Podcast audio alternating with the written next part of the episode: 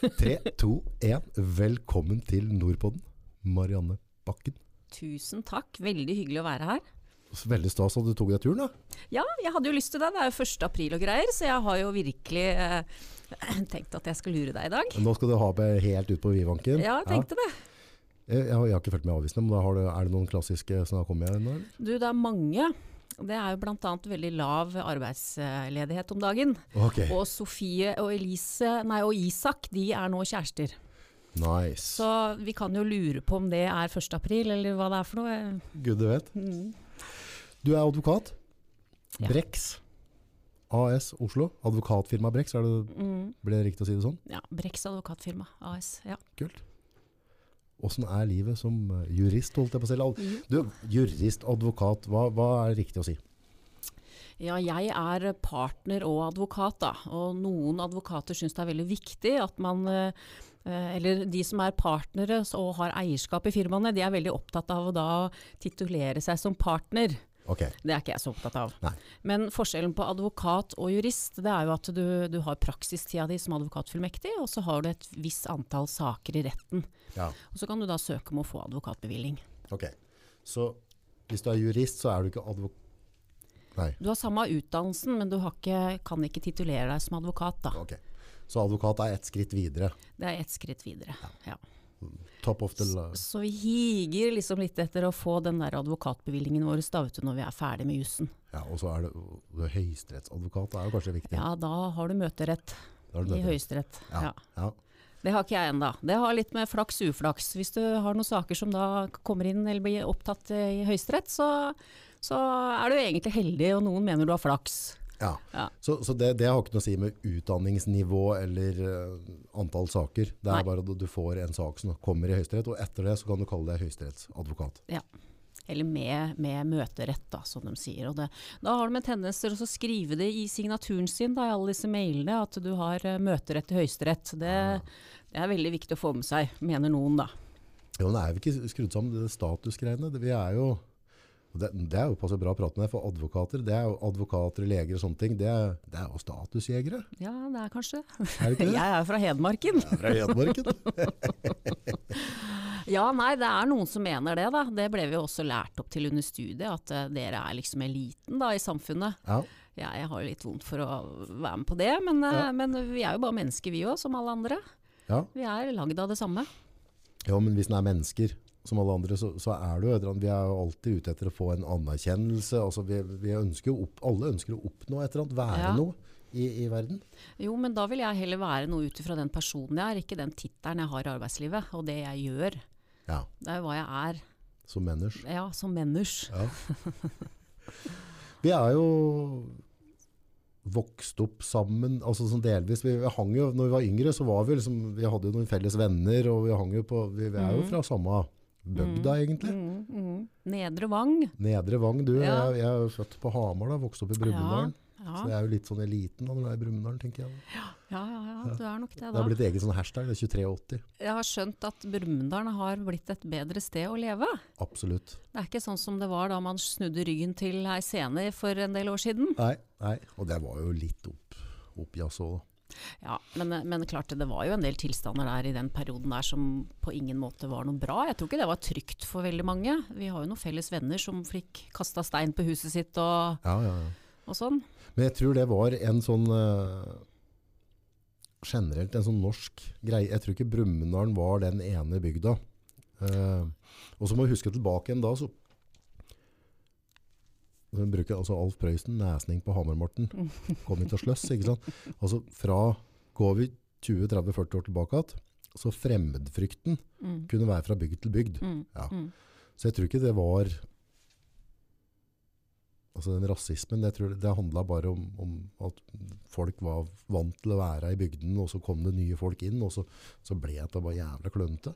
Ja, så er, er ikke mange mennesker sånn at de er litt redd for, for nye ting, redd for eh, andre typer mennesker, redd for andre typers meninger, annen klesstil osv. Du skal jo liksom ikke veldig mange mil i omkrets fra Hamar liksom, før du ser at det er stor endring i hvordan folk kler seg. Ja. Hva slags merker de bruker og osv. Liksom. Og klart, folk er jo redd for alt som er annerledes. Har du en annen hudfarge, så er du kanskje redd for det, for du vet ikke helt hva det, hva det innebærer og hva de står for. Da. Kanskje. Ja, og det tror jeg nok også, så har vi da media, ikke sant, Mm. som øh, blåste dette veldig opp, og så Mm. ble liksom Brumunddal egentlig stempla litt på en, litt, Mm. på en egentlig Sikkert riktig, men ikke rettferdig måte. Mm, mm, Vi, ble liksom, vi ble en sånn greie i Brumunddal. Ja, ja og så kan man jo tenke, det her var jo før uh, denne internettens uh, tid, da. Ja. Så du kan jo bare tenke deg hva, hva overskriften hadde vært i avisene oh, hvis det skulle vært nettutgaver av, av dette her. ja. Sånn som det er nå, så er jo journalistene flinke til å skrive for å få klikk. Veldig mye frykt. Ja, og ja da, det skapes frykt i alle bauger og retninger. Og, og, og, og, det, er, det er det de lever av, da. Å Mm. få klikk og få folk til å lese avisene deres. Mm. Og da er det jo veldig kjapp informasjon som spres, da. Mm. Har du avisutgavene og en redaksjon, så, så du vet at du har en limit kanskje klokka fire eller fem på natta, så, så det, må du trekke deg litt ut, ut og tenke litt før du, før du kan publisere. Da. Nå Mm. så er det bare et par tastetrykk, så er det ute, liksom. Og så blir det spredd til alle vinder. Ganske sjukt. Mhm. Og det har vi sett nå Ikke at vi har forberedt det, men det er jo naturlig å prate om egentlig, som forhold til det med, med clickbait og den biten der. Og så, vi har jo kommet til et samfunn der vi blir mer og mer regulert av myndighetene, og det har jo vært en sånn naturlig greie nå med de nedstengningen og, og pandemien og hele greia. Og så har vi føler jeg kanskje at vi har kommet i en stat der helsemyndigheter og sånn er med og påvirker regler og lover som blir tredd nedover oss. Mhm. Og der har jo du noen meninger òg, som forhold til vår ytringsfrihet og vår mulighet til å ferde, være sammen med folk. Mm, mm. Det er ganske ekstremt. Ja da, det er, det er jo, nå har vi jo hatt en, en pandemi, og noen mener jo at vi fremdeles er i en pandemi. Og vi ser jo det at nå har jo myndighetene fått mulighet uh, ha, til å liksom sette en del ekstra rammer for hva vi skal ha lov til å holde på med. Da. Så uh, Er det sunt, tenker du? Nei, meg person, jeg personlig syns jo kanskje at det er lov å bruke litt huet, da. Eh, jeg syns jo det er litt skummelt hvis vi, hvis vi skal for, få, få for mange rammer. Eh, nå har det jo vært sånn at vi har jo ikke fått lov til å ha mer enn noen få gjester hjemme rundt middagsbord osv.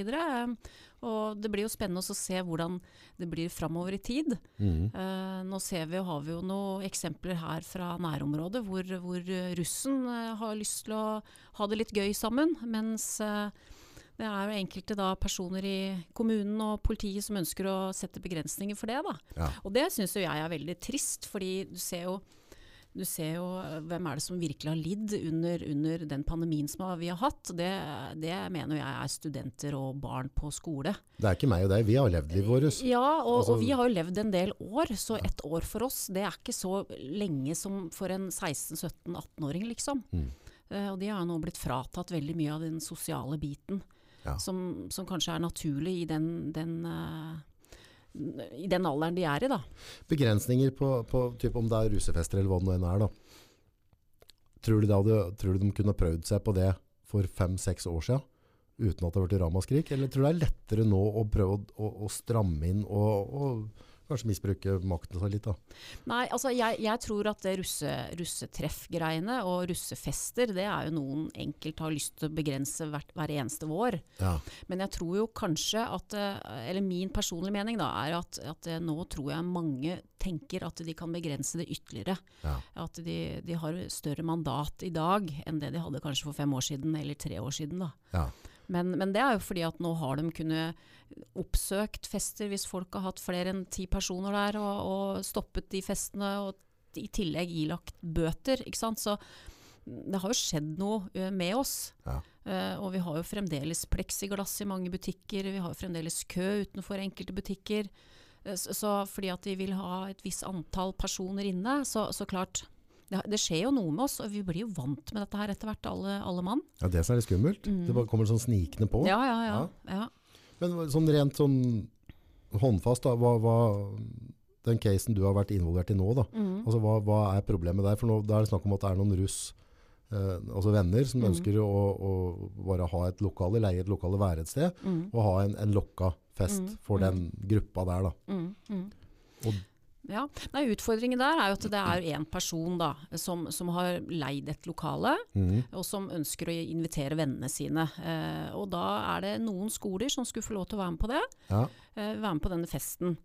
Eh, men så er det jo eh, noen lover og noen regler da, som, som noen ønsker å tøye litt eh, for å stoppe disse arrangementene. Ja. Uh, og da er det jo spørsmål om det er krav til, krav til uh, serveringsbevilling, om det skal være krav til dørvakter, eh, om det er et offentlig arrangement, om det er allment tilgjengelig arrangement eller ikke, om det er et slutta selskap, eller om det er et lukka selskap, eller, eller om det er at ja, er det sånn at alle kan komme på døra der og bli med og ta en fest, liksom? Ja. Så, så der er det nok eh, jeg og, og, disse, og russen og de som da eier lokalene, det er nok litt uenige med både politiet og, og kommunen i forhold til eh, de tingene der, da. Men hva var det de føler om altså har, det, er, har det vært igjen, altså er det et stort samfunnsproblem at de har skoleavslutninger? Tror noen mener det. Ja, så det er der, det er der skoen trykker i det norske samfunnet nå, er uh, unga våre som har studert og skal ha en avslutningsfest rundt det. Det er, det, det, er- det er noe vi skal bruke ressurser på. Altså, jeg syns det er greit at man har noen bestemmelser i forhold til eh, alkoholbruk, og at man ønsker at uh, ungdommen og, og andre skal ha trygge rammer for festene sine. Men jeg er ikke sikker på om det som har skjedd nå på Næs, da, eh, i forhold til det vi snakker om nå, og på Silver Rock, jeg er ikke sikker på om det eh, har vært klokt. fordi at eh, der er det en del arrangementer som nå er blitt eh, avlyst Mm. som følge av eh, at politiet har oppsøkt eh, russen og, og kommet med en del føringer som, som eh, russen rett og slett ikke har råd til å gjennomføre.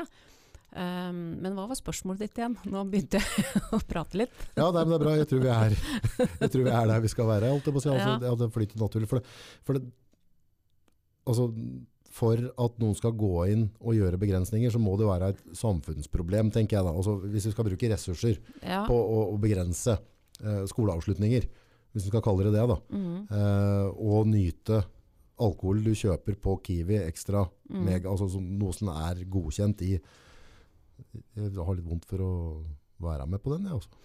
Ja, eh, altså nå, nå har jo også eh, ble fortalt i dag tidlig at russen har blitt eh, oppsøkt av politiet nå nylig og fått beskjed om at de får ikke lov å ha vorspiel engang. Eh, hvis de er 20 personer, så, så mener de vel at du er søknadspliktig da òg. Og klart da, da kjenner jeg at jeg får litt eh, klump i magen og egentlig blir ganske lei meg. For her, 20 personer. ja, det er jo ingenting. Nei. I min verden i hvert fall. Nei. Eh, vi vet jo sjøl når vi har hatt fester opp gjennom åra, det er ganske mange som vi har invitert hvis vi, eh, Ja, ja, ja. hvis vi har runde tall eller eh, et eller annet. Men, eh, men da, la oss si du har en russebuss da, med 25 stykker, har ikke de lov å møtes på bussen og ta seg en fest da, eller? Må de søke og da, eller hva, hva er det de de skal ut og rulle? Ja, fordi de skal ut og rulle.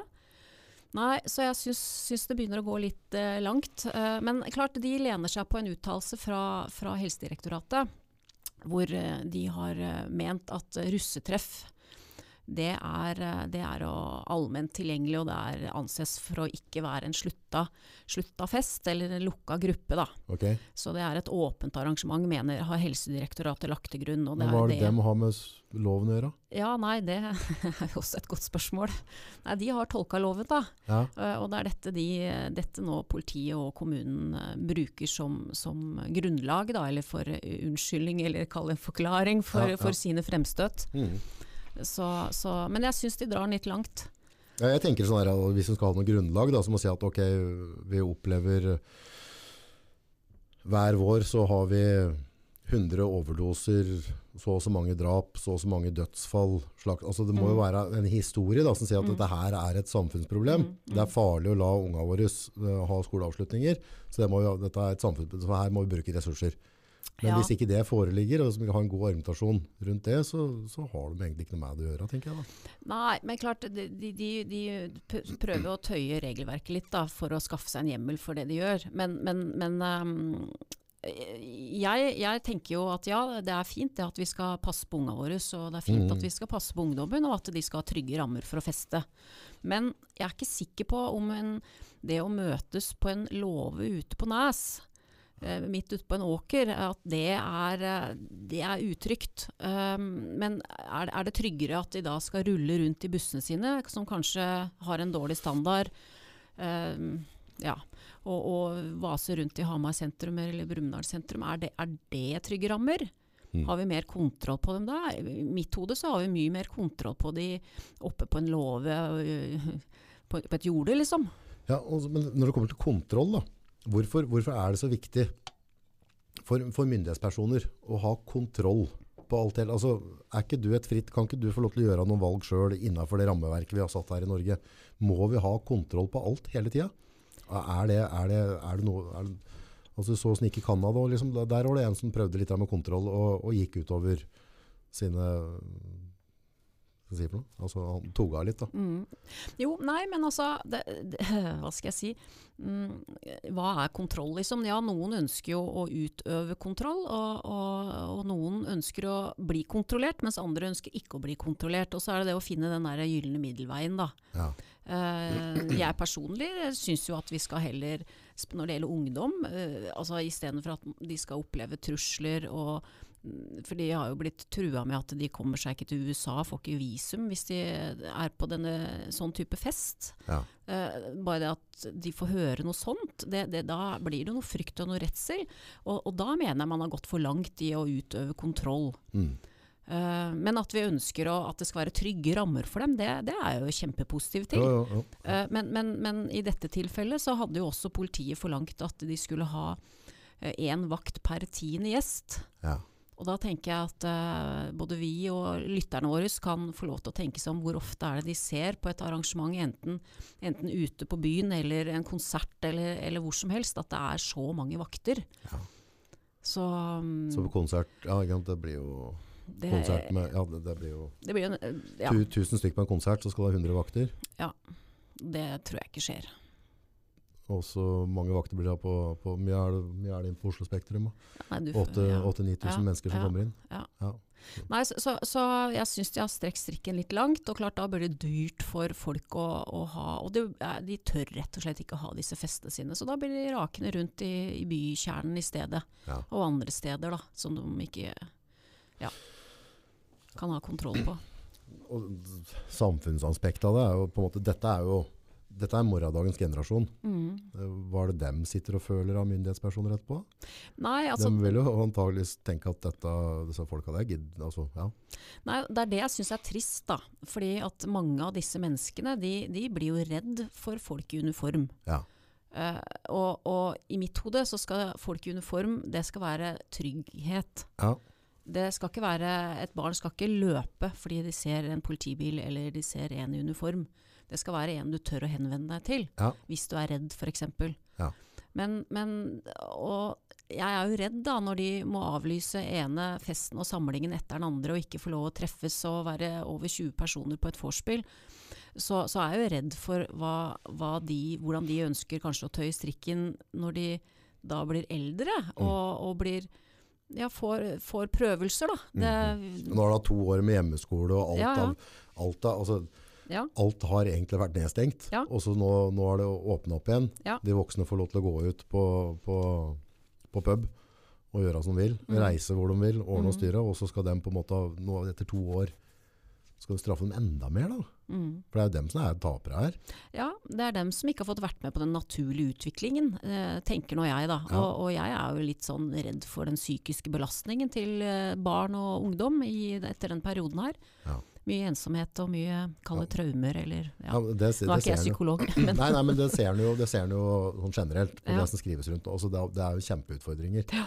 Og jeg, jeg vet jo Ingen av ungene mine har hatt noen skolevegring. Jeg har vært Mm. veldig fornøyd med skolen. mm, Men når de har hjemmeskole, så plutselig så har altså, De sier jo det er rekordtall med unger som ikke vil på skolen igjen. Mm. Eh, på grunn av at de har mista sosialisering over tid, og så syns de det er trygt, og så må de begynne å forholde seg til mennesker igjen. Og, mm, og sånn som vi skal gjøre det for de voksne. mm. Det, det tror jeg ikke det gagner oss ikke. Du vet jo at eh, den største frykten til folk gjerne, det er, det er jo ikke døden. Det er jo gjerne å stå på en scene foran mennesker. Ja. Og hvorfor skal det være så farlig? Fordi at eh, du, det er jo bare mennesker du snakker, skal snakke til. Ja. Eh, og, og det er mennesker som har kommet kanskje for å lytte til deg, og har gleda seg til å høre på deg. Ja. Men, men det er det folk er mest redd for. Og, og så tenker jeg, i, i, opp gjennom skoleåra, så, så har jo lærerne mange ganger forsøkt å få barn til å bli trygge på det å stå og snakke for en sam forsamling. Stå og snakke foran elevene i klassen osv.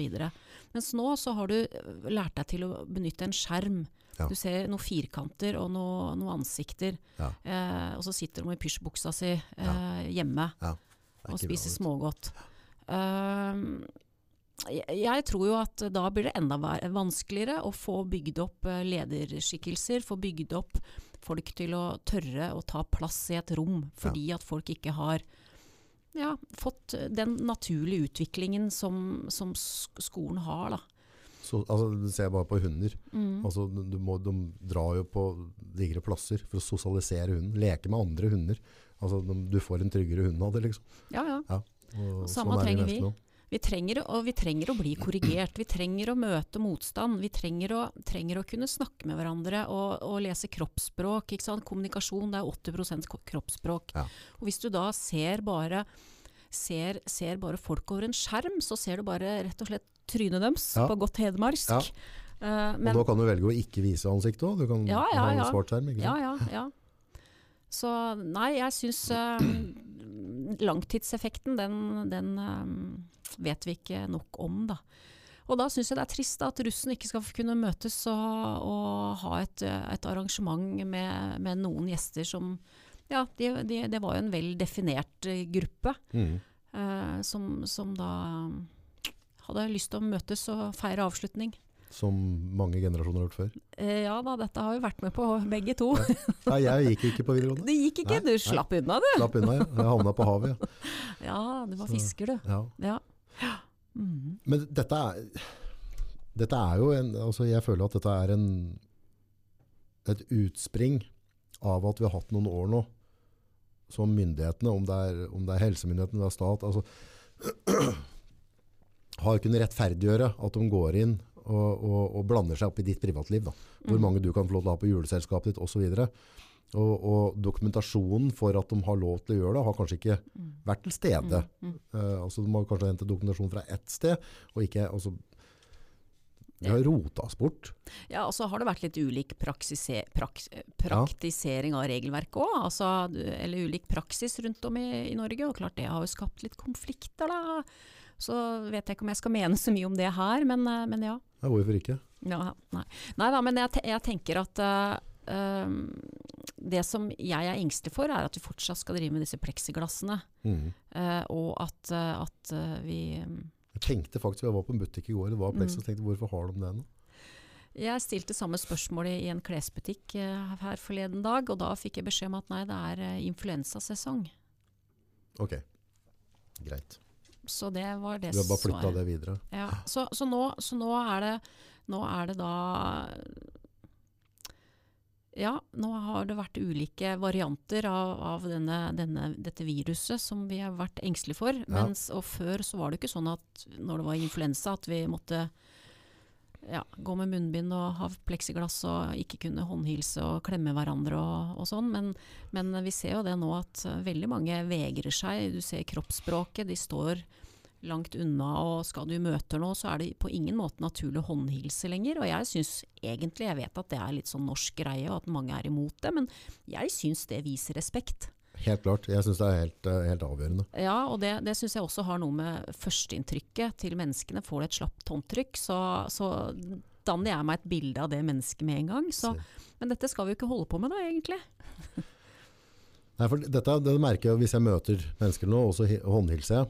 Så ser jeg når jeg strekker ut hånda, så, så har det sånn split second som Mm. mange er litt usikre på. Mm. Skal, jeg, skal jeg liksom avslå den hånda, eller skal jeg liksom ut med en albu? Uh, Ja, nei, jeg tar imot hånda di. ja.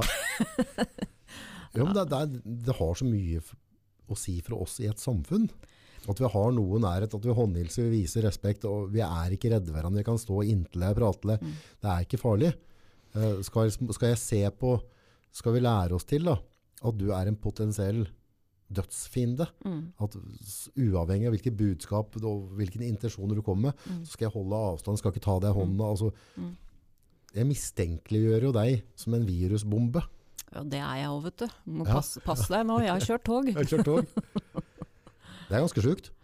Ja, og, og, og vi snakker jo om kroppsspråk, og, og kroppsspråk, eh, i og med at det har så stor betydning for hvordan vi tolker hverandre, Mm. så, så kan du også lure på da, den muntlige kommunikasjonen, da, hvordan, hvordan eh, den, resultatet av den blir, når du ser at folk eh, hele tida vegrer seg, den andre, og hele tida skal holde den distansen og ja, disse vanlige etikettene som vi har hatt opp igjennom. da. Mm.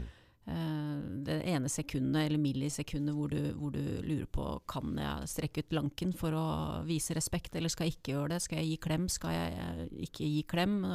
Noen er jo fremdeles engstelige for å invitere venner hjem Ja. på middag. Det- I hvilken grad i Grunnloven tenker du har liksom helsemyndighetene, altså byråkratene, muligheten til å totalforandre et samfunn? Ja, nei, det For kan det, du det, si. det er det som skjer nå. Altså, Ja. vi, vi, vi flytter jo hele rytmen. Mm. Vi tillater at folk skal liksom Du har ikke lov til å ha vorspiel mer enn 20 stykker. Altså, dette er ganske kraftig inngripende. Ja, altså da må Står jeg det i norsk å grunnlov liksom, at jo, sånn er det staten skal få lov til å bestemme hvor mange du har på bursdagen din, og vi skal altså, Det begynner, begynner å definere det Altså, jeg tenker Stalin med en gang. Jeg. Ja, jeg jeg syns jo det er litt stusslig når jeg har boblelag, jeg da. For det, da kan jo ikke jeg ha så mange på boblelag, jeg. Nei. Hvis russen ikke har lov til å ha 20 på vorspiel. Nei, for da, Eh, da kan du få en dom, og så får du ikke reist til USA og studert hvis du Ja, det er i hvert fall det de truer med, da. Ja. Men eh, nei, nei, altså jeg mener jo at det er lov å utvise skjønn. Men eh, jeg mener at de har jo ikke noe hjemmel for å hevde det de gjør overfor russen heller, da. I forhold til 20 på et forspill. Det syns jeg blir for dumt, rett og slett. ja, det er jo galskap. Ja. Men dette er jo et kjølvann. Altså, jeg har jo hørt mange andre prate på det. Altså, hvordan helsemyndighetene altså, For vi har jo en grunnlov som tilsier at vi skal være frie mennesker her i Norge. Mm. Også på en eller annen måte nå med det, med det, det viruset som har herja nå, som ikke var så alvorlig som det kanskje så ut til å kunne være, så sitter de fortsatt igjen nå og skal få mene ting Mm. om hvordan du skal leve livet ditt. Mm. Mm. Er det ikke fint? Da slipper du å tenke sjøl, vet du. Bare å følge på. Gjør som du blir fortalt, vet du. Må ikke stille spørsmål. Det er sjanseløst. Nei da, men det er sånn livet er blitt, er det ikke det? Ja, må vi akseptere det? Ja, nei, det blir opp til hver enkelt, det, tenker jeg. Ja. Ja, nei, det er um, Det er Vi har vel eh, en tendens til å følge flokken, mange av oss. Mhm. Og kanskje det er bra. Kanskje det er det som gir trygghet for veldig mange. Og så er det noen som blir opprørt og ikke helt vet hva, hvordan de skal håndtere det. Men eh, ja, nei. Dette er, det er mange meninger om dette her. Ja, men jeg tenker sånn det er et eh, veldig sånn kraftig fundament, da. Den friheten vi har i Norge. Det er, det er det som gjør at vi er så stolte av å være norske. Mm. Og, og da må vi på en måte stole på myndighetene våre. Da. Og der har jeg sånn derre med, med Stortinget og så leile, pendeleiligheter og ditt og datt. Så ser jeg liksom, Skal vi inn på den? ja, jeg ser, jeg ser liksom det bare renner litt ut i sanda. Men det er liksom de menneskene vi har valgt inn og gitt tillitsroller for å liksom forvalte landet vårt. Og så, og så bryt, altså, jeg er jo ikke noe skinnell, jeg har gjort masse dumt og kommer sikkert til å gjøre masse men, Ja, fortell, fortell. ja, fortell. Kom igjen, Kom igjen, igjen. Det er Så- 1. april, så du kan si hva som helst. Ja, og så kan du bare late som at det ikke var sånt etterpå. Ja, ja, ja. ja. Det lyser, lyser, lyser. så, men i hvert fall, så, det stiller et høyere moralsk krav til dem som er satt i sånne type posisjoner, tenker jeg da, enn Mm. det gjør av, av, av eh, sivilpersoner som meg. Mm. Og så bare, altså er det noen som skulle søtte på brød og vann for å, å, å svindle, så er du dum. Vi får nå se hva som blir resultatet av dette her til slutt, da. Men eh, leser man media, så kan man jo begynne å lure om de, de Men jeg føler at det har blitt en sånn trend. ja. Altså, og det er det som skjer i store, altså sånn, om det er stat eller hva det er, eller kommune. så plutselig får du en dårlig trend. Og det har du sett på, på lensmannskontorer rundt. Altså, du har noen sterke innvinder, og før et ord av det så har det blitt en dårlig trend. Så går dette bra, det går bra, de klarer å holde seg, og til slutt så sprekker det. Og så må det være en sånn kjempeoppvask. Mm. For at de, for vi kommer jo til et punkt der folk sier at nå, nå er det bra. ja, tror du det? Ja, historien har jo vist det, i hvert fall opp igjennom, da, at, at, uh, at uh, vi kan bli pusha. Og så til slutt så kommer vi til et punkt Mm. der det Hva er det jeg sier? Han der, uh, faren til Dr. Phil hadde sagt, og lå en hund og peip på verandaen der. Så lurte han på hvorfor han lå og peip. Mhm. Så sier han at han ligger på en spiker. Mm. Og så sier han hvorfor flytter han seg ikke? Det gjør tydeligvis ikke vondt nok ennå. da. Nei, Ikke sant? Så vi kommer til et punkt der vi syns nå nå gjør det vondt. ja, Ja. Jo, jo da, men vi ser jo, ser jo hvordan, hvordan eh, Ja, nå har vi disse politikerne da, som har tråkket over noen grenser. Eh, og så har vi jo disse Nav, eh, menneskene som også har tråkket over noen grenser, har noen ment i mange år. Ja. Og så får vi nå se hva som blir konsekvensen da, for disse politikerne. Jeg håper, håper jo at, at eh, de får sin straff og må ta sin straff, um, og at det også kommer opp. Ja. Sånn at vi, vi vanlige dødelige får vite, vite om det.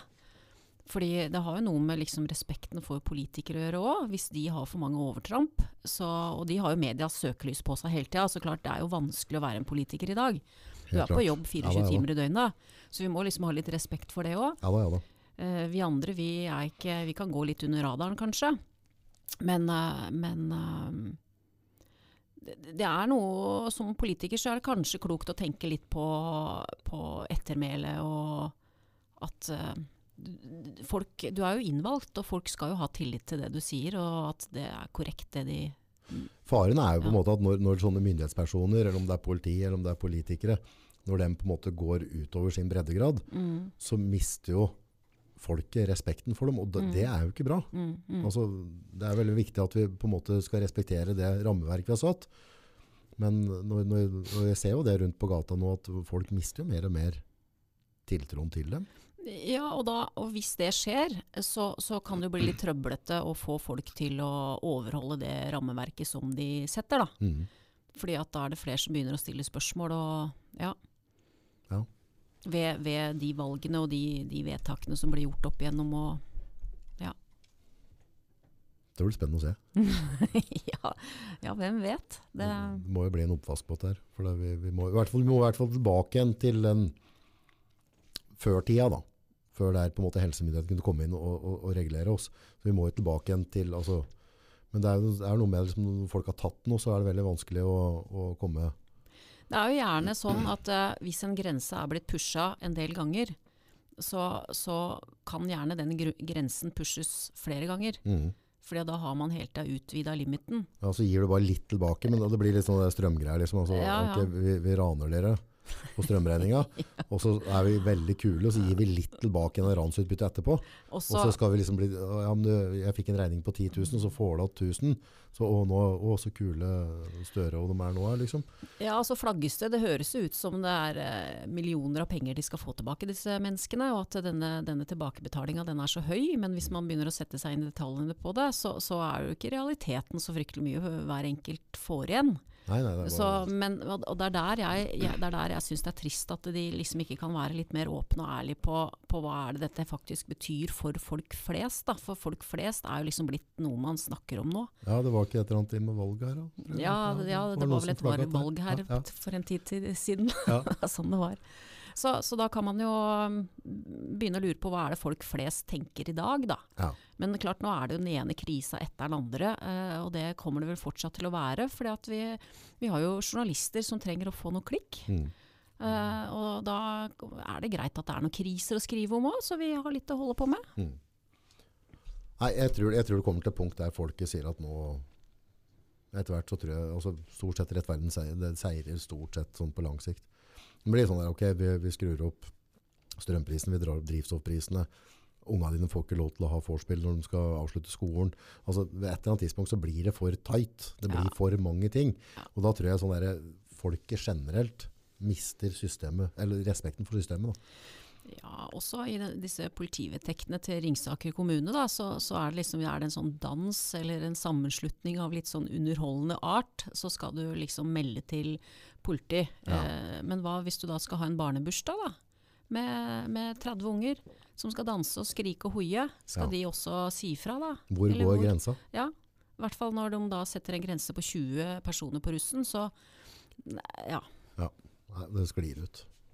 Sklir ut. Ja, ja, jeg hadde forstått det, hadde det vært, vært slik at det var eh, mange hundre personer eh, på fester eh, helg på helg på helg, og, og, og det sklir ut, og de, politiet må møte opp for å, for å stoppe og- ja. At det går utover ressursene. Ja, ja, ja, ja. eh, og at det ikke er trygt for ungene å være der lenger, eller ungdommen. Så, så skjønner jeg jo det, men, men, men eh, innenfor de rammene som, som var satt på Silverrock i sin tid, Mm. så, så, og denne våren, så mm, er jeg ikke helt med på det som er blitt gjort, da. Hvor viktig er det for deg å ha sånne saker? Nei, sånne saker er jo litt morsomme, for det, det betyr jo litt. For jeg, jeg veit jo, jo hvor mye det betyr for russen å kunne møtes. Mm. Så, så mm, ja. Det er ikke så mye økonomi i sånne saker, men det er mer det er gøy å kunne, kunne være med og være til stede for dem, da, syns jeg. Ja, for, for i, en sånn, i, en, um, I en verden vi lever i nå, da, så, så Mm. for dere som er advokater, det blir mer og mer viktig for oss å ha dere som kan lese loven til oss òg. Mm, Altså, også, for det, det handler, du kan jo bruke loven mot deg eller for deg. Så at vi da på en måte har advokater som faktisk stepper opp da, og sier at nok er nok, nå må vi passe på her. For det, Ja. dere skal jo på en måte være vaktbikkja Ja. for at myndighetene ikke går over sine breddegrader òg. Ja da, men, det- men, men klart altså det som er utfordringen med lovverket, er at du aldri vil klare å være tydelig nok eh, som lovgiver. Ikke sant? Det vil jo alltid være ting som kan tolkes. Og så er det, kan det være noen bestemmelser som slår i hjel noe annet osv. Så, videre, så det er ikke noe rart det blir diskusjoner. Men, men det som, som gjør at jeg har engasjert meg i den saken i forhold til russen da, og Silverrock, det, er jo, det er jo at eh, her føler jeg jo at disse ja, politiet og kommunen tøyer strikken litt, da, eller tøyer lovverket litt. Det, det syns jeg de kunne holdt seg for gode for å gjøre. Det må kunne få lov å møtes. Men eh, de har ikke sett på, de har ikke sett på liksom hvordan de har invitert hverandre, om, om han som da har leid lokalene, om han kjenner alle sammen. Eh, dette har de ikke ville hørt på i det hele tatt. Eh, og da, da er det vanskelig for de som har forsamlingslokaler òg. Hvor, hvor går grensen der for hva, hva slags arrangementer som, som er søknadspliktige eller meldepliktige, eller hva, hva, hvor, når kreves det bevilling? Konfirmasjoner framover nå? det Ja, nei, altså det blir vanskelig. Eh, sånn som de har tolka det ute i Ringsaker nå, så, så må du jo søke om alt. Ja, og da, da vil jo på en måte russen òg føle veldig urettferdig hvis de da slipper et konfirmasjonslag på 50-60 stykk. Ja, ja, ja. Altså, 70-årslag. Ja. Foreldra våre skal feire 70-årslag. Ja. Det er en tilstelning med dans det ofte. De Ja, har jo ofte en DJ, eller de kan leie inn noen musikere eller et eller annet. Ja, ja, Ja. Eller et band, eller hva som helst. Ja. Så mm, ja, det er ikke lett. Nei. Men det er klart, de må jo ha noen regler å forholde seg til òg. Men det er, nå, nå er det vel en én gruppe som man kanskje har prøvd å gå litt etter, da, for det, det er jo vår. mm. Uh, og da er det jo gjerne russen som Mm. må slite litt. Ja, nei eh, Hva som blir på så store landsstevner som nå, blir det Ja, men de søker jo, og de, de har jo vakthold. Og, Ja. så, og der, eh, så det, det er liksom ikke tvilsomt, tenker jeg da. Nei. nei, men da, hvis det er 1000 som kommer på landsstevna, så Ja, er det 100 vakter som skal inn. da. Det er ganske mye kroner som da går ut til vakthold. Ja, for, det, Ja. ja, for det, det der snakker vi jo Må i hvert fall regne med, med, med de skattene, avgiftene og arbeidsgiveravgifter, så koster det i hvert fall 2500 per person vakt. Ja, et, ja kanskje enda lenger òg. For at Ja. du, du skal, disse skal vakt- godkjente vaktselskap òg, du. ja, ja, og disse vaktene de skal jo gjerne være der eh, altså, Dette her er jo arrangementer som kanskje begynner på ettermiddagen, liksom, som varer ut, ut, utover natta. Så Ja. så Ja. ja. vi har jo 200 000-300 000 i bare vakthold Mm, for at 1000 Ja skal samles på det. Helgesletta. dyrt. Det går jo ikke. Nei da, men jeg tror, de, jeg tror ikke det kreves så mange på Hellersletta uten at jeg har satt meg inn i det, da. Men uh, det kan jeg ikke tenke meg. Nei, men hvis regelen er da én per ti, så, så, Det er jo noe Ringsaker eh, kommune og politi har eh, ment, da. ja, så det er ikke noe nasjonalt. Ikke som jeg har hørt om. Nei, nei. Så det er noen sånne lokale bestemmelser rundt om. Det skal være litt. Ja, livet som advokat. Ja, det er mye rart man kommer borti. Ja. Åssen rota det borti altså, Var det noe du visste du skulle bli ganske tidlig, eller var det noe som kom Ja, nei, det var vel noe jeg egentlig bestemte meg for ganske tidlig. Eh, det var det. Så- tolvåring, liksom, eller var det- Eh, Ja, det var nok litt sånn type Oi. ungdomsskolen, faktisk. Ja, Ja. det var det. Eh, og så har jeg jobba veldig mye ved siden av, så jeg brukte litt lengre tid på studietida mi. Men, men eh, jeg er veldig glad for at jeg gjorde det, for da har jeg fått med meg mye sånn praktisk erfaring som jeg ser at jeg har veldig godt av, godt av nå, da, som advokat. Hva var det som gjorde at du fikk lyst til å være det allerede i, ungdomsskole? Ja, Altså, var var vel en kverulant jævel. Vrimpeis? Tenk så liksom få betalt for det. Du, jeg må fortelle. eh, jeg gikk jo på Ingeberg, på barneskolen på Ingeberg mm. i sin tid. eh, og, og jeg har jo alltid vært en person med meninger. Ja. Og det er det ikke alle som liker. Nei. Så jeg husker hun en sånn, hva heter heimkunnskapslærer, er det det den heter? De som Ja. lærte oss å lage mat. Ja. Jeg husker hun skreik til meg en gang, på barneskolen altså. Mm. Å, Marianne, du skal alltid ha så mye meninger! Ja. Og så tenker jeg, herre min, hadde, hadde det vært jeg som vært lærer, så ville jeg bare rost uh, eleven for å ha meninger. Så det kommer vel litt av det. Jeg har jo alltid diskutert og brukt huet opp gjennom åra. Så mm, det har jo vært et kall, da. Men så har det jo vært et kall det å kunne hjelpe folk òg. Ja. Så ja. Er- ja, for det er jo på en måte ja, det å gå inn og, og kan gjøre en forskjell. Da. ja. Altså det som jeg jobber mest med, det er å prøve å løse konflikter. Altså ikke stå i skyttergrava og, og skyte på hverandre, for det er noe vi advokater kan eh, dessverre være veldig flinke på. Ja, ja, ja. At vi, vi skal drive med spissfindigheter og, og, og, og, kverulere, og det har jeg litt sans for. For jeg syns at man må heller prøve å komme til bords og, og diskutere og bli enige om ting. For ellers så eneste som tjener penger på, på å sitte og kverulere, det er jo advokatene. Ja. Og klientene som må lide for det. ja. Så, mm, ja. Nei, så det er i hvert fall sånn jeg tenker. da, Prøve å være litt løsningsorientert. Og Litt- ha den tilnærminga til de ulike sakene. da. Litt diplomat oppi det? Eller? Ja, prøve på det. Prøve på det så godt det lar seg gjøre. Forhold til den barndomsdrømmen da, med å jobbe som advokat, hvordan ble det sånn du tenkte? Ja, det ble jo det, men det, det jeg ser, i hvert fall med det jeg holder mest på med, så er det bare penger vi krangler om, da. Ja. Stort sett. Altså, Roten til det meste, det. ja, det er follow the money, er det ikke det man ja. sier? Jo, enkelt og greit. Det er jo det. Det er jo det det går i. Eh, Men hverdagen, liksom, altså, for vi har ofte, hvis vi har lyst til å begynne å jobbe med et eller annet, vi har en drøm om et eller annet, og så Mm. kommer vi til den drømmen, vi er på en Mm. måte ferdig, mm, og hverdagen starter da. mm. Ble, ble det en sånn hverdag du hadde sett for deg, liksom? Eller? Ja, ja, det har blitt det, altså. Ja. Jeg har jo, jeg vet ikke hvor mange sam telefonsamtaler i løpet av en dag jeg har hatt, og det, det har jeg jo liksom tenkt at jeg ville få. Jeg Liksom kanskje snakke med 20-30 stykker hver eneste dag. Ja. Eh, lengre samtaler, eh, klienter som ringer, og så er det brev som skal skrives. Så det er jo et ganske høyt tempo. Ja. Eh, men jeg driver for meg sjøl, sammen med en partner, så jeg er veldig glad for, for at jeg gjør det. For da kan jeg styre hverdagen min veldig godt sjøl. Ja. Og jeg har, det jeg har behov for er å ha med meg Mac-en og, og ha internett, så kan jeg jobbe. Så det syns jeg er liksom luksusen med å jobbe med det jeg driver med. Mm. Jeg må ikke være fysisk til stede ett sted, liksom. Men det, det er veldig mye lesing, skriving, og må Mm. konsentrere deg, for altså, det kan jo få ganske store følgene hvis ikke du følger med timen. Ja, ja. Så må være ganske sånn Altså. Jeg syns jo egentlig at det var stussligst å lese på studietida. Ja, For da er det fryktelig mye greier du skal gjennom og du skal lære deg. ja, Men jeg syns det å anvende jussen og praktisere jussen syns jeg er mye mer morsomt. Okay. For at det, er, det føler jeg er litt mer praktisk retta. Ja. Og da kan du liksom få anvendt eh, lovverken på det praktiske, eh, på faktum i sakene. Da. Ja. Så det syns jeg er gøy. Eh, og så så syns jeg det er morsomt å drive med litt sånn graving i forhold til uh, å sjekke ut ting og finne uh, Ja, hva skal jeg si Fine ting som andre ikke har tenkt på i de ulike sakene, f.eks. Uh, ja, for for å være en god advokat så må du også være en etterforsker. ja, jeg opplever meg sjøl som det til tider, og bruker jo folk rundt meg til det òg. Og, og hvis jeg veit det er folk som har spesialkunnskap på ulike ting, så ringer jeg dem og, og, og fritter dem for informasjon, da. Ja. Det, det syns jeg er en del av det å være advokat òg.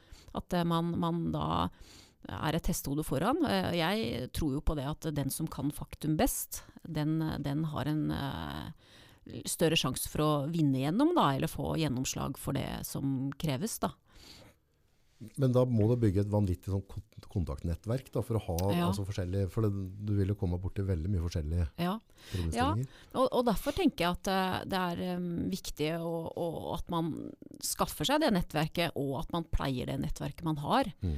Og, og jeg er heldig, jeg har et ekstremt stort nettverk. Jeg kjenner veldig mye folk i alle sosiale lag. Mm. Og det, det kommer godt med i, nå om dagen.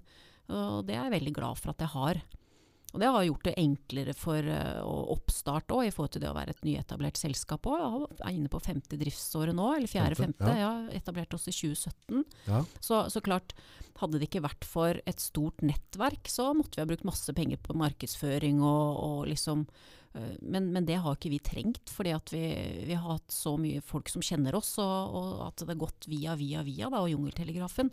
Så. Så, jeg, så, så ja, men, men jeg tror det er ikke bare i advokatyrket det er viktig å ha et nettverk, det tror jeg egentlig gjelder de fleste mennesker. Ja.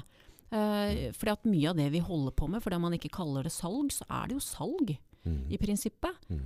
Eh, og, og da handler det jo om nettverket. Ja. Er det ikke en eller annen forskning på det? Du er, bare, altså, er det ti venner unna å kunne nå hvor som helst i verden? eller annet? Hvis, Ja, altså, det folk, ja, Ja. det er ganske rått, det nettverksgreiene. Altså. Ja, ja, ja. ja nei, så, så jeg, jeg, eh, hvis det er ting jeg lurer på i forbindelse med en sak, så, så ringer jeg til de jeg, som jeg mener kan mest om, om de ulike tingene, og, og får litt tilbakemelding der. Og da kan jeg bruke det som jeg lærer av den personen da, på, på å skrive brevene mine, eller argumentere i møter, eller bruke jussen da, på i den informasjonen som jeg har fått. da. Hvor viktig er det på en måte når du, når du har forskjellige, hvis du jobber for et, et uh, firma, da, å ha en forståelse for hva det firmaet driver med, og produktene, deres, altså sånn sjela i det? Jeg tror det er helt essensielt. Ja. Ja. Jeg jobber jo med mange firmaer i dag som, og er fast eh, advokat for dem. Og det å sette seg inn i verdiene, visjonen, vite hvordan lederne tenker, hva de ønsker, eh, og det tror jeg For meg så er det helt elementært. Altså hva er forretningsstrategien deres? Ja. Og sånn som i forhold til det praktiske, nå jobber jeg mye med entrepriser f.eks. Jeg har vært i Veidekke i veldig mange år, vært ansatt der. Eh, og, og der mener jeg som advokat, og det jeg vet at det er veldig mange som er uenig med meg i det, men, men som advokat så mener jeg at det var helt essensielt at jeg var med gutta ut. Var med i grøftene, gikk ned i kummen, så på hva som skjer. Ta på meg hjelmen og ja, være ute i, i marken, rett og slett, Ja. på gulvet med folka. For det, da er det fryktelig mye enklere å se hva slags problemstillinger de står oppi. Og når det da kommer en juridisk problemstilling, så, så er det mye lettere for meg å forstå det, også og da kunne forklare det videre til noen andre som da bare sitter på kontor. Ja, for det handler jo igjen da med på en måte å finne løsninger. Ja, altså ja. Forhandle litt, og ha en forståelse for hva, hva skjer nede på bakken. Hvorfor ble det som det ble? Så, Ja, da, fordi det er, også, det er jo mye skjønn, både innenfor lovverket og kontrakter og osv. Så, videre, så er det jo mye skjønn. Det er mye som kan diskuteres hvis man vil. Mm. Eh, men men så, så er det jo det å bare prøve å finne den der gylne middelvei og se om klarer man å enes om noe som begge parter kan leve med, liksom, og som er fornuftig, uten at man må ta ut folk hvis vi snakker om entreprise da, og bygg, anlegg, samferdsel, hva som helst. Men hvis du da skal ta ut folk fra driften for å drive og fòre en advokat med masse informasjon, så koster jo det noe for firmaet òg. Mm. Eh, og, og um, kanskje det er bedre da å gi litt og, og bli ferdig med sakene, og komme seg videre og, og tenke friske penger da, og, ny omsetning. Sånn tenker nå jeg, da. Men det er bygg, bygg og anlegg har jo blitt uh, altså Det er mer og mer anbud og måter å- altså Jeg ser jo det på generelt bygg og anlegg, om det er veier eller er store bygg. Mm. Så er det mye mer spekulasjon. Juridisk i forkant å gi pris på det, men ikke det. Og så kommer tillegga. Så det Mm. har blitt en vanvittig jungel. Ja, det er vanskelig. Og det er vanskelig for folk, fordi at eh, hvis en ser på mange av de kontraktene som, som disse ingeniørene eller eh, anleggslederne eller prosjektlederne eh, skal gå gjennom for å regne på et anbud eller kalkulere, så er det ganske mye de skal lese. Og, det, Ja. og, det, det, er, det er en utfordring. Jeg var hos en rørleggerbedrift nå i forrige uke. Og dem, dem regner jo anbud altså De har jo én person som bare sitter med det hele tida. Ja. Og så sier jeg ja, men er dere flinke liksom til å lese kravspekken, for da kommer jo liksom juristen inn, da. Ja, Eh, ja. Så her, nå må du vite hva du skal levere, liksom. Ja. Uh, og, og ja, nei, men vet du hva, vi, vi har ikke sjans vi, til å, å lese på alt. Vi vet hva det sånn cirka koster, så da er det det vi legger inn. Og da, vet du, da løper du en stor risiko igjen, da, ikke sant? hvis ikke du legger inn noe ekstra margin for det. ja. Eh, Så det er jo blitt et ordentlig dokumentvelde her, fordi at man, eller byggherre kanskje, eller oppdragsgiver ønsker å ha ryggen sin fri da, i, i enkelte situasjoner. Da. Så, så det, det blir, er en del diskusjoner rundt om, men det er jo naturlig òg, for du har en byggeleder eller en byggherre, oppdragsgiver, som skal ha utført eh, mest mulig arbeid for minst mulig kroner, og så har du en entreprenør da, som, som gjerne skal tjene mest mulig, og helst, Ja, ja. helst ha lønn til å betale sine ansatte på minst mulig jobb. så, så klart, da, da har man utfordringer allerede der, da. Og jeg føler jo sånn i mye av de anbudene som skjer, altså sånn, nå kan ikke jeg noe om det, men i hvert fall sånn magefølelsen er at, at du kommer inn på så vidt et lavt anbud, Mm. og så kommer du på masse tillegger. Og det er jo sånn der nede på bakkenivå, hvis du skal ha gjort et eller annet i hagen, eller, altså, hvis du får, et, får du en pris som er veldig, veldig lav, Mm. så er det et faresign. For da vet du at da kommer det tillegget du ikke er forberedt på. Da. Ja, eh, og, og, derfor, derfor er det liksom viktig at man har liksom, hvis, hvis det er ditt private hjem, liksom, så er det viktig at du er helt tydelig på hva du mener at skal bli levert. Mm. Eh, For ellers så vil de jo slite, eh, og at det kommer masse tillegg. Og det er jo mange entreprenører sånn i forhold til en del av de anskaffelsene som er, og, og, eller, eller vanlige tilbud, så, så gis det jo kanskje lave priser i utgangspunktet fordi de tror at de skal få tillegg. For de kanskje kjenner byggherren fra før og vet at det vil komme på ekstra, Ja. som de da kan få ut marginene sine på. da. Ikke sant? Og så kan det hende de driter seg ut på det. Da. og da, det vi vet, det er jo at de prosjektene hvor det er veldig lave marginer, og det kanskje er prosjekt som går over noen år, da, Mm. så, så vet vi at der blir det vanskelig å drive. Ja. Fordi at det er jo et ekteskap, eh, mener jeg, da, mellom, mellom byggeledelsen da, og, og da entreprenøren. Ja. Som, og et ekteskap kan jo være litt utfordrende. Og hvis det da er dårlige marginer i utgangspunktet, og du da ofte kommer litt skjevt ut av hoppkanten, så har vi det gående. Og Ja. da er det gjerne et prosjekt som man, som man vil slite med ut, ut perioden. tida, ja, ja. eh, Og, og det kan også da påvirke, dessverre, HMS-arbeidet. I forhold til at man tar noen shortcuts for å, for å liksom spare en tusenlapp her, en tusenlapp der. Og klart, da, da, det er sånn typisk. Det skal jo ikke skje, men det skjer jo dessverre ofte, da. Det er jo egentlig sånn samfunnet blir nå mer og mer, er det ikke det? Det er litt forskjell på da når vi vokser opp på nå, er det ikke det? Ja, jo jo, men, men nå er det jo blitt så mye bestemmelser. Nå, nå, altså, det er jo så mye regler vi skal forholde oss til hele tiden. Er kanskje det som er bra, da, så lenge jeg jobber som advokat. Men, ja, ja. Blir ikke arbeidsledig med det første. Nei, men, men, jeg, men jeg tenker at det Bare se på eh, hvordan, hvordan vi Hvis vi eh, tryna da, Mm. av sykkel og fikk et skrubbsår, så, så var jo det bare lærdom for oss. Nå Mm. er det jo helt krise hvis et barn kommer med noen blåmerker. Ja. Liksom, altså, Ja, det ser bare skal bygge opp en lekeplass utenfor Ja, ja. barnehagen nå, så er det liksom sånn, altså den lekeplassen koster jo ti ganger det gjorde før. Ja, se de krava som da stilles til den lekeplassen, også, også i forhold til også å sjekke, undersøke disse lekeplassene i etterkant òg. Ja. Eh, så må du øh, Jeg sitter jo som styreleder i et, et sameie- og borettslag. eh, Vi er flere, eller en sånn driftsforening, da. Ja. Og der er det sånn lekeapparat imellom blokkene der. Ja. Og det er utrolig hvor mye penger vi må bruke på konsulenter for å få de til å sjekke skruer og sjekke at alt dette her er eh, på stell. Da er det krav til et visst intervall da, som de må inn og gjøre det. Dette gagner jo ikke samfunnet. Nei, jo, altså jeg tenker at det er jo en trygghet kanskje for barna, men, men noen ganger så tror jeg at barna også blir sterkere og får seg et lite skrubbsår. Da. Jo, jo, men altså, vi, livet er jo tøft og vanskelig, så vi må Mm. bare lære det om. Jeg vet, uh, minste mi øh, fikk et kakk eller, ja, inn i et sånt lekeapparat, så Ja. måtte sy i huet. Og så, så når jeg kom ned for å hente da, og da blødde hun godt og sånn, og da merker jeg som de ansatte var veldig, veldig skeptiske. Altså, de var forberedt på å få, sikkert få seg ei kule. Av deg, Ja. på hvordan du ville reagere. I forhold til at, og så Mm. sier jeg, nei, nei, det er stressfritt. Altså, ja, det, hun er unge liksom. Ja, Altså, dette er, sånn, sånn skjer. Ja. Det er, sånn var det når jeg var liten, og sånn var det når mor mi var liten. Det er helt normalt. Det er ikke noe, det er ikke noe laga noe ut av det, liksom. Mm. Jeg vet at de, de, de vil jo ikke skade. nei. Altså, ting, altså, en annen unge dytter en annen. Og da er snakker vi om noe annet Og. Hvis det er noen som bevisst skal forsøke å skade et barn, det, det er jo noe helt annet. Ja, og da tenker Mm. jeg, da har jo loven og, og jussen noe å gjøre, men Mm. jeg føler jo at, at, uh, at vi, vi bygger en sånn bomull rundt. Mm. Ja, altså jeg tenker jo at det blir jo sydd puter under armene på veldig mye, mange mennesker. da, og Du ser jo det i arbeidslivet òg. Vi satt og diskuterte litt før vi gikk på i stad. Ja, Litt i forhold til hva, hva er det enkelte krever eh, i Mm. dag. Jeg, jeg har jo liksom hørt på at folk sier at ja, nei, øhm, jeg jobber aldri mer enn åtte til fire.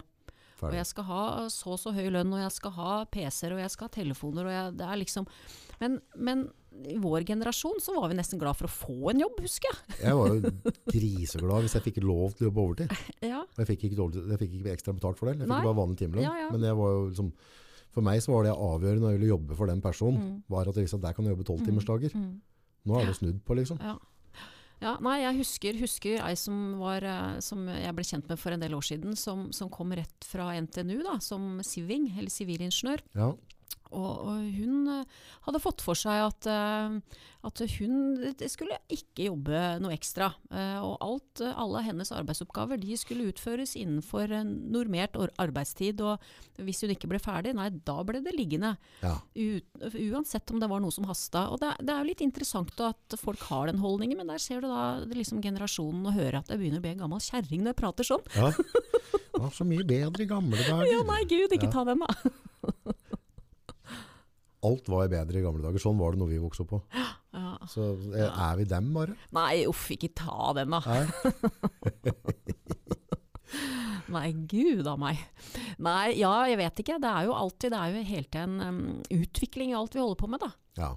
Uh, tenker jeg. Og så er det spørsmål om du tør og vil og evner å være med på den utviklingen. Uh, Mm. se, på, se på disse duppedittene som vi har med oss. ikke sant? Her har man jo ikke skriveblokker lenger. Man har liksom en sånn remarkable som man kan tegne og skrive og ja, lese bok på, eller ikke sant? Altså alt, alt skjer så digitalt nå, og det, dette må vi bare være med på, tror jeg.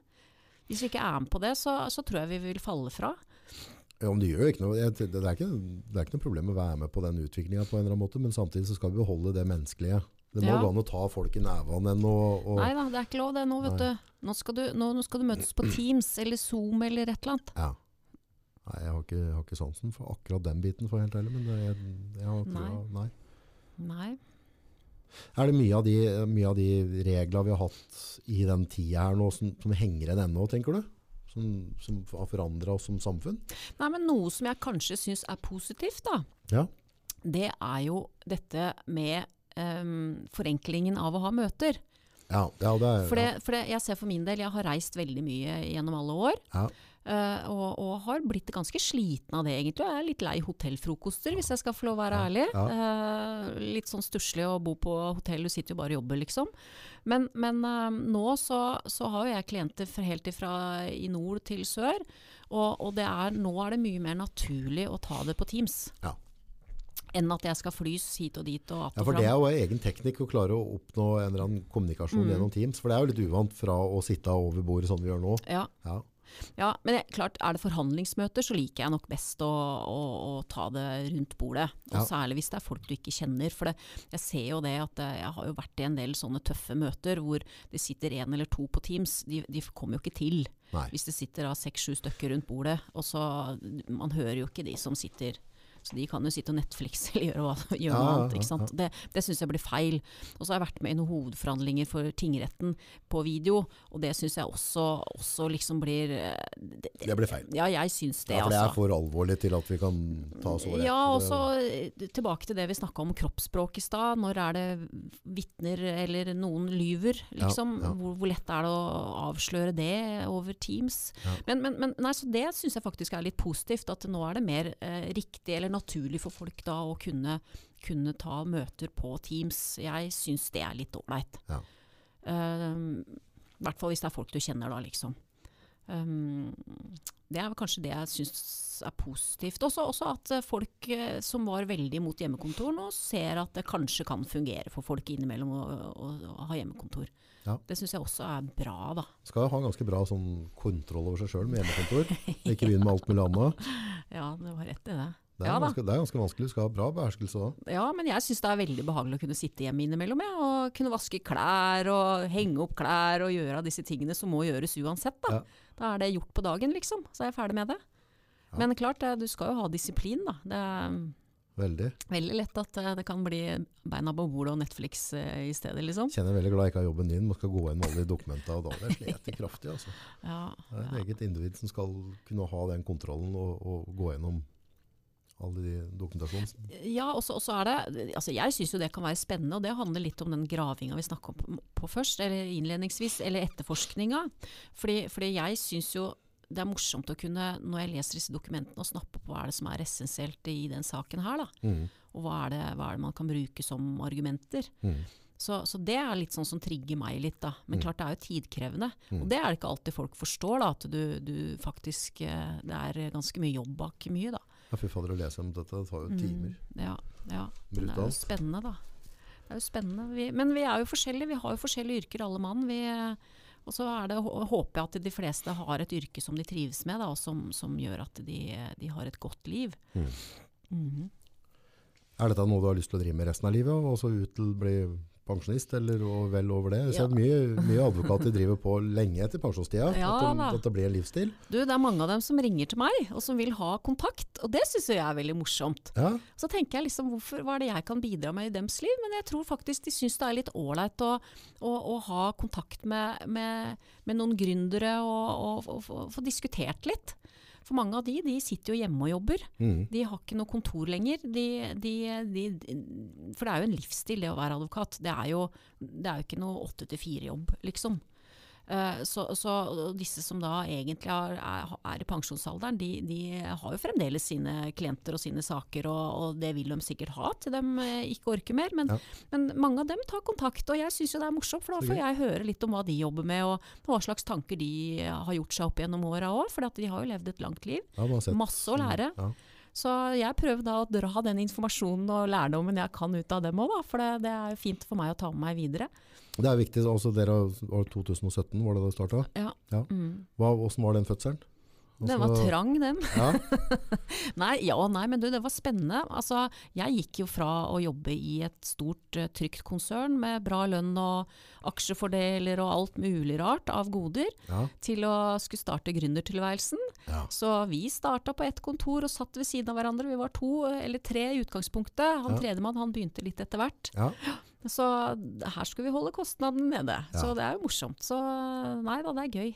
Men man må, det som jeg tror er viktig i en gründertilværelse, det er at man tør å, å, ta litt risiko, og tør å gi gass. Mm. Hvis ikke du gjør det, og du er trygg på at det går rett, eller altså du har i hvert fall troen på at du skal få bygge noen arbeidsplasser, så, så, kan du ikke gjøre det. Da må du sitte og jobbe i staten eller jobbe i et stort firma som du vet at du får lønna di fast og sånn.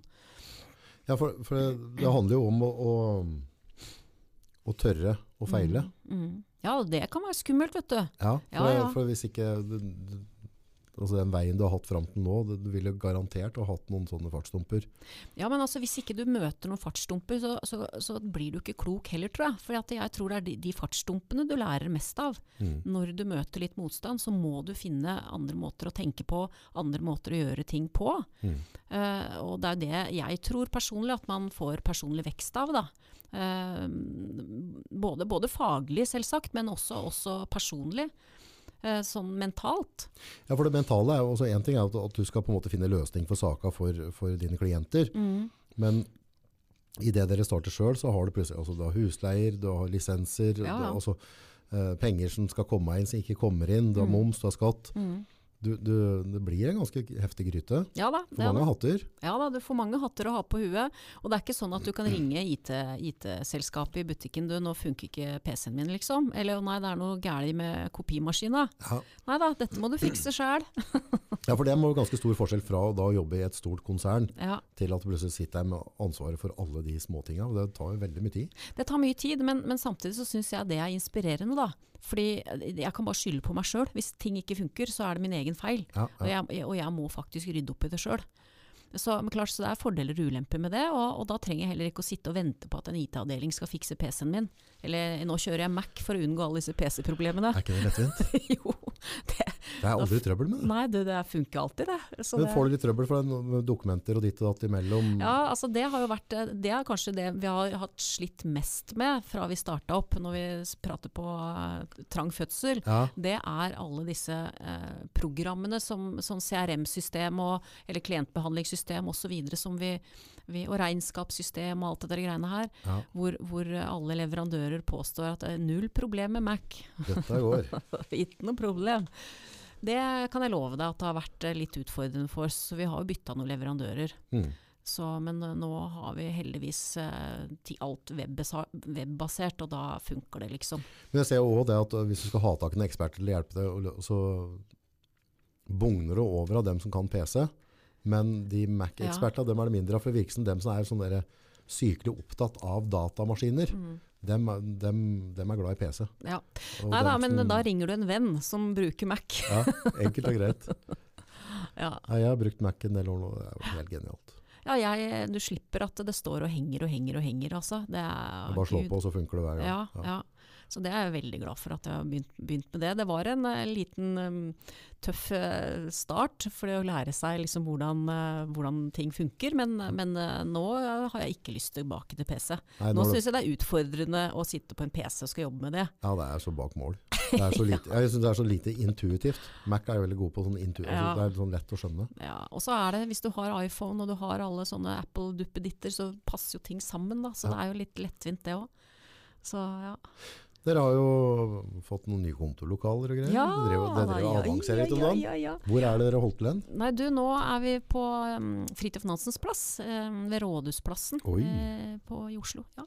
Så der koser vi oss og fått, uh, fått fint flytta inn rett før jul. Sitter fin dame og drikker kaffe latte på Ja, gaten. ja, og- hadde jeg drikker kaffe, men du vet at jeg er ikke gammel nok til å drikke kaffe. da- vet du. Jeg trodde du visste det. Her går det det bare i brus og te, vet du. ja, Pepsi Max. Jeg må ha noe annet oppi den kaffen jeg, hvis jeg skal drikke kaffe, Ja, og det tar seg ikke ut på jobb, har jeg skjønt. Det, det går ikke. Det går ikke. Hvordan er det å, å gå inn i større lokaler og, og få lov til For det er jo gøy å bygge Nå har vi gått inn i mindre lokaler. mindre, ja. Men okay. det vet jo ikke du. Nei, Nei. fordi vi har ofte vært på noen avtaler som vi har hatt store lokaler og leid ut kontorplasser. Aha. Ja, så, men vi var, siste leieavtale var vi ferdig med nå i et, sommeren som var. Og Ja. da hadde vi lyst på mindre lokaler, så vi har gått inn i mindre lokaler vi nå. Ja. Og det er veldig behagelig. ja. Fordi da, så nå har vi med oss et par stykker som, som leier av oss, og så, og så er vi en fin gjeng som eh, møtes og kan lunsje litt og spise frokost sammen hvis vi ønsker det. Og, ja. Det er litt kult å så innrede og møbler Ja, og tepper ja, og vegger. Altså, det er litt kult, da. ja, jeg syns jo det er morsomt. Ja, det er jo litt av gründertilværelsen det òg, å være litt kreativ på de tingene der. Ja, for da, har du, da skaper du din egen arbeidsplass Ja, ja. og liksom, eh, stevninga du setter der inne. Ja, ja, ja, ja. Og husk på det at eh, det er jo et, altså, Hvis man begynner å regne på hvor mange timer man bruker på en arbeidsplass i Mm. løpet av, eh, løpet av et år, så er det ganske mange. Ja. Så, så der syns jeg det er viktig at man har et sted som man finner roen, og at det er farger som man kjenner at uh, gjør en godt. Da. Mm. Det er veldig viktig. Mm. veldig viktig. Å sette av liksom den stemninga. Ja, ja. For det skal jo være sånn når du går inn på arbeidsplassen, så skal du liksom glede deg litt til å komme inn og Ja. være litt solgt og være Ja. koselig å få besøk. Og, Ja, ja, ja. Så, så det syns jeg Det har vi prøvd å få til, da. Og det syns jeg vi har lykkes med. Ja. Så det er jeg glad for. Nei da. Så det er, det er morsomt. får du noe fritid i Oslo, sånn at du kan kose deg litt, være litt på fjorden? Og, Ja da. Jeg gjør jo det, da. Ja. Jeg, jeg har jo en vannskuter blant annet, da. Ja. Så jeg driver med litt vannskuterkjøring innimellom. Og kubikk og er og er det sånn kraftig sak, eller? Ja da, det er Politiet mener nok at det er litt for kraftig, tror jeg. Ok. Du har uh, havna i trøbbel? Ja, det er vel kanskje trøbbel man kan kalle det. Ja da, de, de følger med. Du vet at vannskutere er ikke alltid like populære. Men det, Det som er litt morsomt? Jo da, men det som er morsomt, det er jo at politi og brannvesen og sånne etater, hvis de får lov til å være med og leke seg litt sjøl, da er det plutselig greit. Da er det greit. For jeg har jo også noe som heter flyboard, jeg vet ikke om du vet hva det er. Nei. Sånn som du kan fly, fly med 25 meters lange, og så har du oppdriften fra scooteren. Å, sånn, ja. ja, ja, ja. Ja, og der har vi drevet litt på Sjøflyhavna i Oslo. Der, der holder brannvesenet til. ja. Så der har det en tendens til å komme litt uniformert innimellom. Og da får jeg dem til å kle av seg, og så får de være med å kjøre litt. Og da er alt greit. Da er det greit. Er ikke det veldig vanskelig? Ja, altså sånn, Sånne som har drevet med skating og snowboard og sånn, de tar det ganske lett. Ja. Men uh, det er liksom det å knekke koden da, og, og tørre å bli med på den fysiske oppdriften som, som scooteren gir den slangen. da. ja, for da kobler du en slange til vannjetten på scooteren, og så Ja. blir det blåst opp i lufta. Ja, Hvor høyt kommer du opp? Ja, hvor høyt kommer det opp? Nå har jeg dessverre fått litt Jeg må skifte noen pakninger, så det går ut litt. Det er litt sånn Trykket blir Litt litt, svinn, dårlig. ja. Litt svinn på trykket. Nei, men du kan komme deg en 15 meter Oh. opp ish. Det er jo 25 meter slange. Da smeller det bra hvis du går vannskorpa. Da. Ja, men du gjør jo ikke det automatisk. For at så lenge du har gassen på, så, så har du fremdeles oppdrift. Så du, du Mener jeg har sett sånne som bare går på lufta, og så, bare, og så Ja. mister de kontrollen. Så, Ja, men det, men da, hvis du slipper gassen, så kan de fort fyke ned. Ja. Eh, Så det er jo om å gjøre Nå har ikke jeg kjøpt fjernkontroll, så det er jeg som som regel sitter og gasser folk opp da, okay, på ok. Ja, scooteren. Og ja. da, da, da, hvis jeg da slipper brått, så får de en dump. Ja. Uh, og det, noen syns det er morsomt, men det kommer an på hvor høyt opp de er og hvor tøffe de er. Men noen syns det er litt morsomt å leke litt med òg. så ja. Nei, men politiet mente jeg kjørte litt for fort i et sund i Oslo. Ja. Det er jo sånn femknopsgrense, vet du. ja. Eh, og jeg og en venninne vi hadde vært på grillings på en av øyene og kosa oss. Uh, og putra ro, stille og rolig. Hun satt og filma og greier, eh, og tok bilder. Og, og så plutselig så, så Jeg så den politibåten, den var som en prikk for meg ute i Oslofjorden. ja. Uh, så kom de etter oss, gitt. Og da mente de at vi hadde kjørt voldsomt fort i et sund. ja. Og da, da mente de at dette skulle koste meg 1500 kroner. Ok. Så Uten jeg- noen målinger eller noe? Det er bare Ingenting. Nei, de, de mente at de hadde sett noen hekkbølger og noe greier, og mente at jeg var i plan. Så okay. jeg um, var over fem knop. Ja. Så det var jo interessant, da. Fordi den ene filmen som hun og venninna mi hadde tatt, den viser jo speedometeret mitt. så, I det sundet, faktisk. Så det var jo helt tilfeldig. Men, men det brydde de seg ikke noe om. Så de og jeg ville jo ikke vedta den bota, selvsagt. Nei, nei. Så hadde jeg det litt morsomt, da. Så jeg måtte jo Det ble jo litt prosesskriv øh, frem og tilbake her, da. Ja, Uh, og etter hvert så ble det jo beramma tid i Asker og Bærum tingrett. De mente at uh, det skulle brukes en halv dag på denne saken i, i retten. ok. Mm. Så dette var jo litt morsomt, da. Men det må jo være Det er jo Ja. ja. Hva mener du? Nei, altså Tingretten får 1500 kroner, uh, ja. og at de ikke har noe Nei, jeg, jeg, fikk ingenting. Altså, det var, de hadde ikke noe målinger, ingenting på meg. Så det var eh, to som da hadde observert og mente at eh, jeg hadde, hadde kjørt for fort. Ok. Og da jeg så den eh, ribben, så, så var jo den nesten bare en prikk eller et eller annet for meg. Og det er jo en stor båt, og da lurer jeg på hvordan den Klart det kan hende de sto med kikkerter, men eh, Men er det ikke noe, noen regler på det? Kan, altså, kan de bare ta ut en tiltale mot deg uten egentlig måte å bevise det? Eller ja, det, er det det er jo helst sånn at de skal ha eh, Ja. et bevis for det, selvsagt. Men de hadde jo ikke De, De hadde ingenting. Men, men jeg endte opp med uka før å bare betale, for eh, skal jeg bruke tid og penger på å møte opp der for å kverulere. Det Ja. Ja.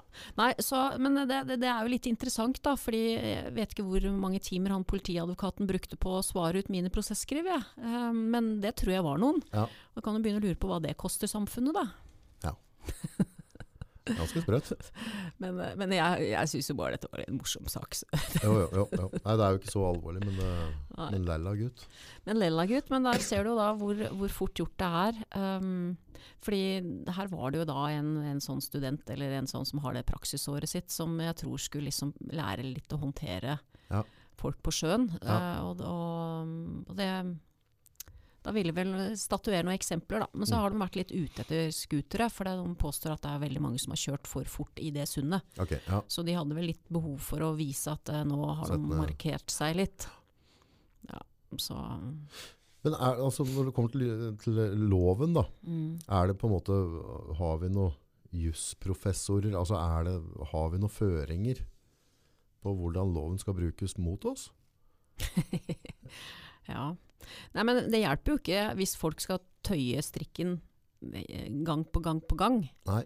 Eh, fordi at man blir jo, det blir jo liksom en catch 22 for folk, da. Og det var det jeg følte i den vannskutersaken, annet. Hva, hva, hva Ja, skal skal jeg gjøre for noe, liksom? Det må jo Altså, gjøre et eller annet med din respekt overfor dem som skal håndheve loven på, på Ja vannet. Da. ja da, klart det. Jeg må jo ærlig innrømme at uh, jeg så jo den samme ribben med det samme mannskapet om bord dagen etter. Mm. Da satt jeg i en båt på Aker Brygge. Mm. Og det som var litt interessant da, det var jo at de, de hadde lagt til kai helt innerst i Aker Brygge. I, uh, og det var masse i gjestehavna der. Mm. Og, og da hadde de sikkert fått beskjed om at det var et eller annet som hadde skjedd der ute. Så det var full gass fra kai. Ja. Uten sirener, uten, uten noe eh, sånne Ja. lamper, ingenting. Uh, og der bader folk. folk. Ja. Folk sitter i båtene sine, bader rundt båtene sine. Folk bader ved museet. Ja. Så, så, så jeg syns jo det er litt merkelig at de er så opptatt av meg på min vannskuter eh, som de mener jeg har kjørt altfor fort, mens sjøl så kan de holde 20 knop inne i havnebassenget mellom båtene og folk som bader. Ja. Mm -mm. Det er kjapp båt dette her, og da begynner jeg å lure på hva, hva er det vi holder på med. men, men det hjelper jo ikke å si noe, liksom. Det, Men også er det, også, det, det ser du, det er en trend som ser, spesielt i USA og sånne ting, at folk begynner å bli veldig flinke til å filme. mm. Og de monterer kamera i bilen. Hadde båten ikke gått så fort, så skulle vi ha røkket å filme. Ja. Men den hadde jo full gass Men hva er reglene på dette her? På filming. Ja, som forhold til altså, at jeg da monterer noen kameraer og har i bilen, hvis jeg blir stoppet i kontroll, Ja. altså at jeg på en måte kan ha et kamera på speedmeteret, Ja, ja. med tidskoder, altså, Ja, det er jo, altså, du, du kan jo ta opp, Er du i et møte f.eks., så kan du jo ta opp, en tele, eh, ta opp med telefonen din f.eks., hvis du ønsker det. det er lovlig. Ja, men da må du være til stede. Altså Det er ikke straffbart, men, men klart det er jo noen etiske problemstillinger knytta til det. da. Ja. Så ja. Nei da, så vi, vi Men vi beveger oss i et samfunn nå hvor, hvor mer og mer blir tatt bilder av, flere ting blir filma. Mm. Uh, og, og jeg tenker at det bør vi også faktisk være litt obs på, vi som, vi som er i samfunnet. Både på den som filmer, men også det at vi kan bli filma eller tatt opp i ulike sammenhenger. da. ja. Uh, Det er jo litt viktig.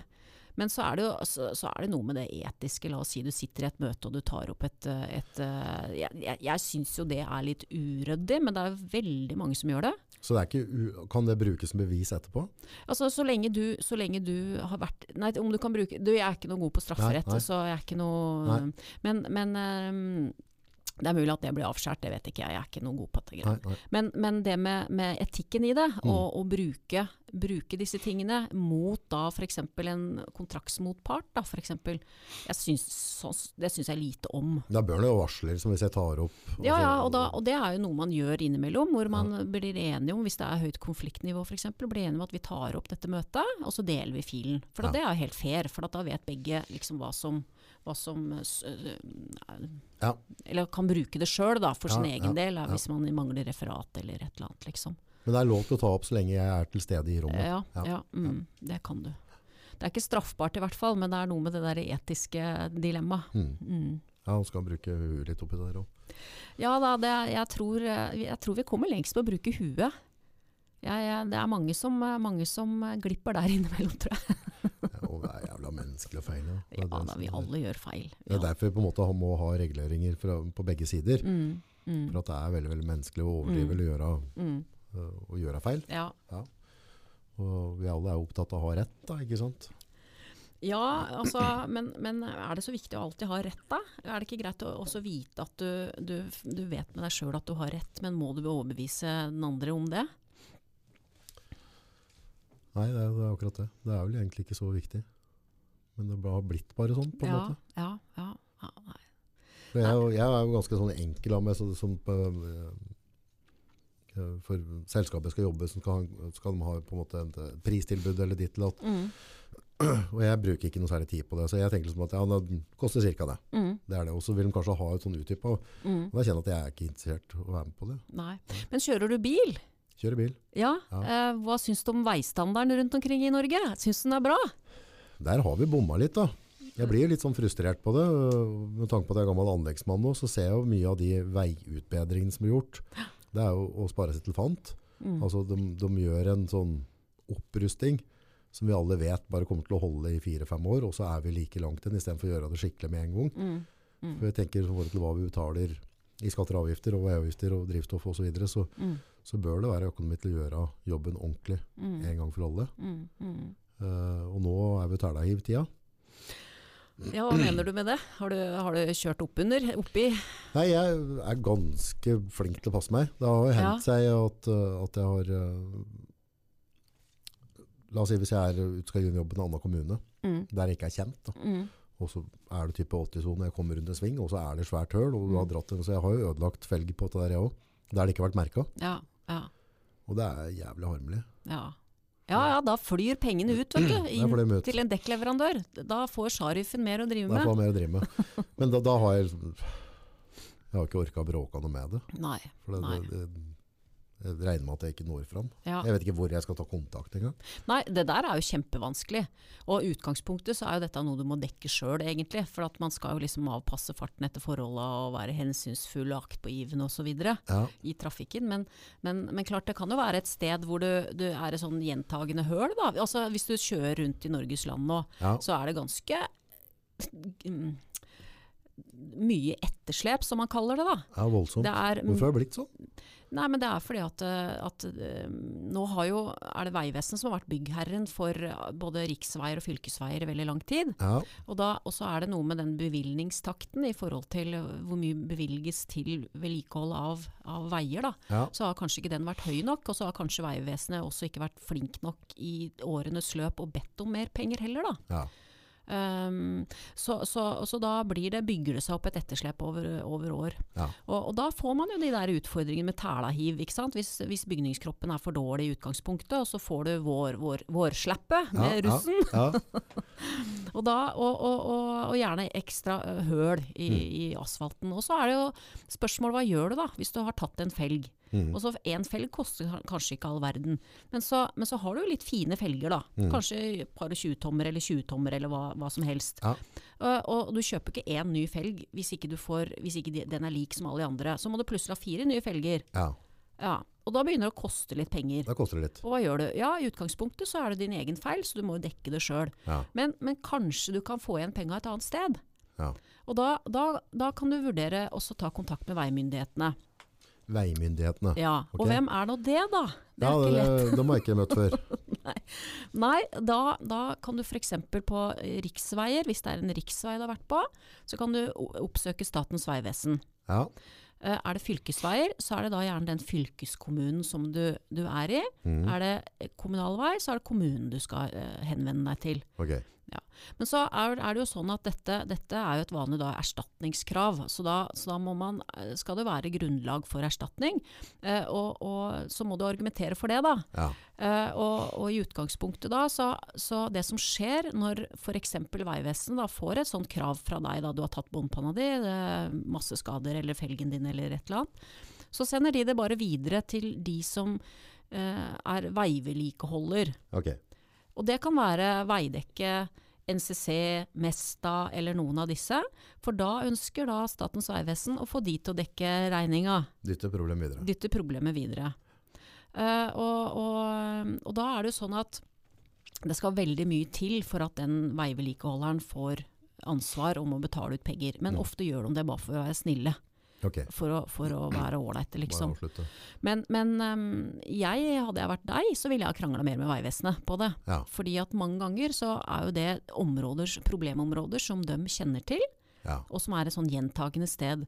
Og dersom, dersom øh, de har visst om det, og, og de ikke har gitt beskjed om at det skal settes opp skilter osv., så, eh, om f.eks. dårlig veistandard fra den og den kilometeren til den og den kilometeren, eller sånne gule, eh, røde rød og gule skilter sånn at det synes at ops, nå må du være litt obs og bremse litt, liksom ikke være så høy på, eller hard på høyrelabben. Ja. ja. Mm.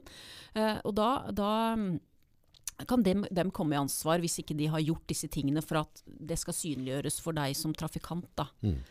Eh, men det skal litt til, da.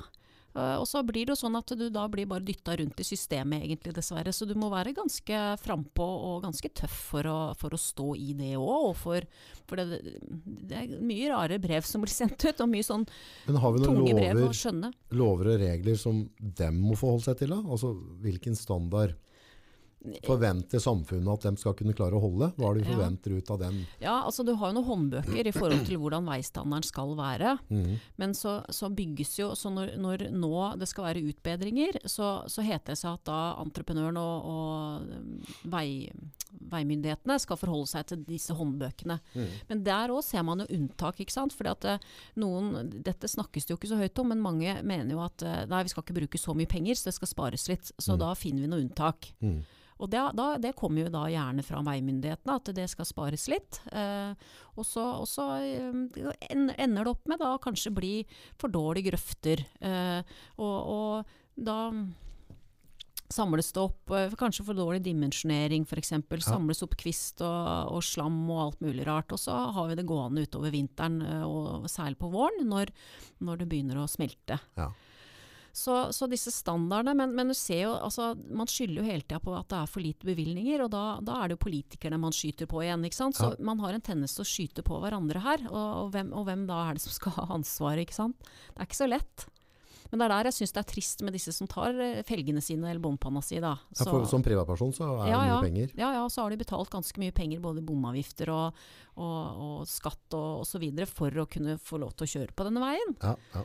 Så. Annen ting også jeg har tenkt på med dere veigreiene, er jo under utbedring av vei, da, så, så, har de, og så har det blitt nye regler i forhold til med skiltplan, og det er mye strengere. Du kan ikke ta ned skilta når du først har fått en skiltplan. Altså, Mm. eh, og jeg opplevde her for noen år siden, så mot, mot Gransida og opp, eh, opp bakken opp mot eh, Er det Lier?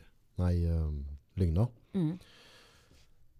Så var det påventende asfaltarbeidet. Veien var helt ålreit, men det var lagt en skiltplan, og det er jo på en måte en 80-sone oppover der. Mm. Ganske lang, kanskje en kilometer eller to. Så var det skilta ned til 50. Mm. Men i to måneder på rad, Også Så da var med det gule, ingen- gule arbeidsskilt. ja, Mm. og så er det ingen som jobber der. Mm. Og så blir du, blir du bedt om å legge deg ned 50 Mm. i 80-sona, og så kjører du oppover, så ser du fra dag til dag, det, det, det skjer, altså veien er helt lik som før de satte opp skiltet, men de bare begynt å jobbe.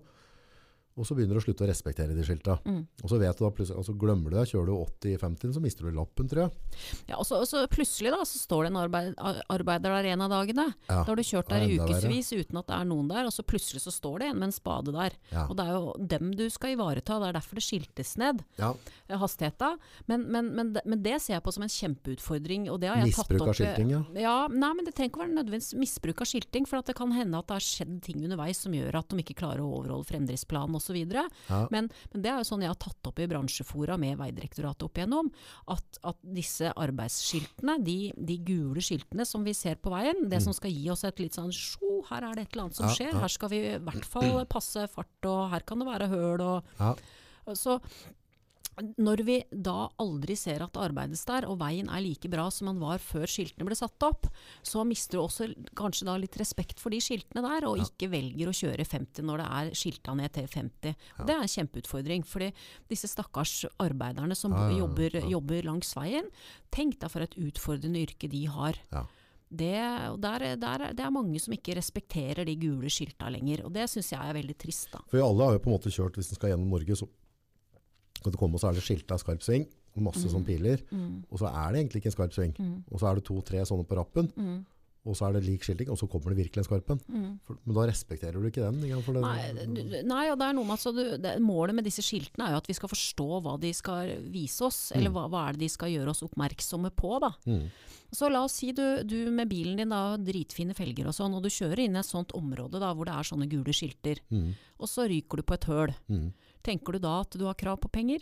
Nei. Nei. Ikke hvis jeg har skilta, hvis jeg har skilta, noen har varsla meg at her er det Ja. fare, så Og det er litt viktig at også lytterne våre får med seg at hvis det er gule skilter, husk på at da kan det være en provisorisk anleggsvei som du etter hvert blir kjørende på. Mm. Og den, det vet vi at der blir det mye høl og mye greier. Ja. Så du kan både få møkkede bil og alt mulig rart, men Ja. du velger sjøl å kjøre inn i det området. Ja. Det er litt viktig at de får med seg, tenker jeg. Ja, for da må du ta Nå har du tenkt over det om jeg Vet ikke om du legger merke til det du òg, men i, i LED-samfunnets verden med LED-lys, så syns jeg mye av de varsellysa som kommer på, og det kan være de blå lysa òg, de har blitt så sterke Mm. at det blir nesten Altså ikke nesten, det blir trafikkfarlig. For motlys, ja. Ja, altså Mm. Det blir så kraftig varsla Mm. at når du da kommer på kvelden og du har litt bløt asfalt, Mm.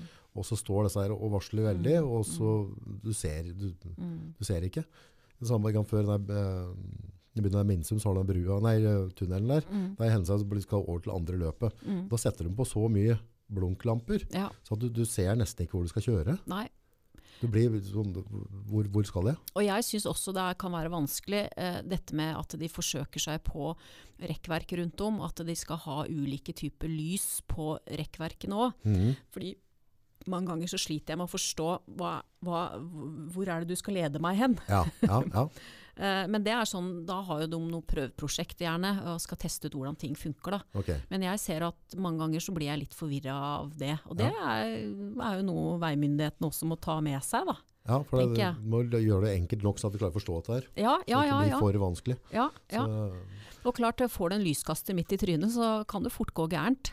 Du ser jo veldig mange, ikke sant. De, de har disse støtputebilene ute på veien med, Yes, med, yes. med pi, pi, pila ned, eh, eller hvor du skal kjøre hen. ja. Og det har jo skjedd at folk har så fokus på den dumme pila, så de kjører rett på, på den støtputebilen. Ja. Klart, den skal jo tåle det, og, og den skal jo liksom eh, Den er sånn trekkspillaktig, sånn Ja, at eh, det skal jo ikke bli de store skadene. Men, men der ser du hvordan vi tiltrekkes av lys. Veldig. veldig. ja. Og igjen også så har det blitt skarpere og skarpere varsellys. Så, så, Mm. For jeg syns det er bare ubehagelig når jeg kjører for min at det blir for skarpt, syns jeg. da. Ja, jeg syns det er ubehagelig når folk driver og ettermonterer mye av disse LED-lysa på bilene sine òg, ja. Jeg syns det er rart at de får det godkjent, men det er ikke sikkert det er godkjent, da. Det er mulig at de bare Ja, men jeg tror det var et eller annet EU-greier. For før okay. var det sånn at du kunne ikke ha ekstralys dit og datt og styre selv, og så plutselig så ble det bare helt åpent. Oh, ja. Ja. Og da hvis du har noe med sånne LED-bjelker, ja. Og så kjører du på vinteren og det er mørkt, og, hvis, og så blir jeg blenda, jeg ser jo ingenting Nei. etterpå, hvis ikke de skrur av i tide da. Ja. Så det er, du kjører jo inn i en lysvegg. Og da må du blunke noen ganger da, for å få i gang eh, huet igjen. Ja, ja. Eller det- synet. ja, er ganske sprøtt. ja. Uff, ja. Nei, det er, ikke, det, er, det er noen utfordringer vi skal ha. Ja, det skal være litt. Men det er fint, for da har vi litt å prate om, vet du. Ja, det er viktig det. Ja, sommeren da, er du klar? Jeg er klar. Jeg er klar. Tror du det blir bedre i år? Det blir en bra sommer.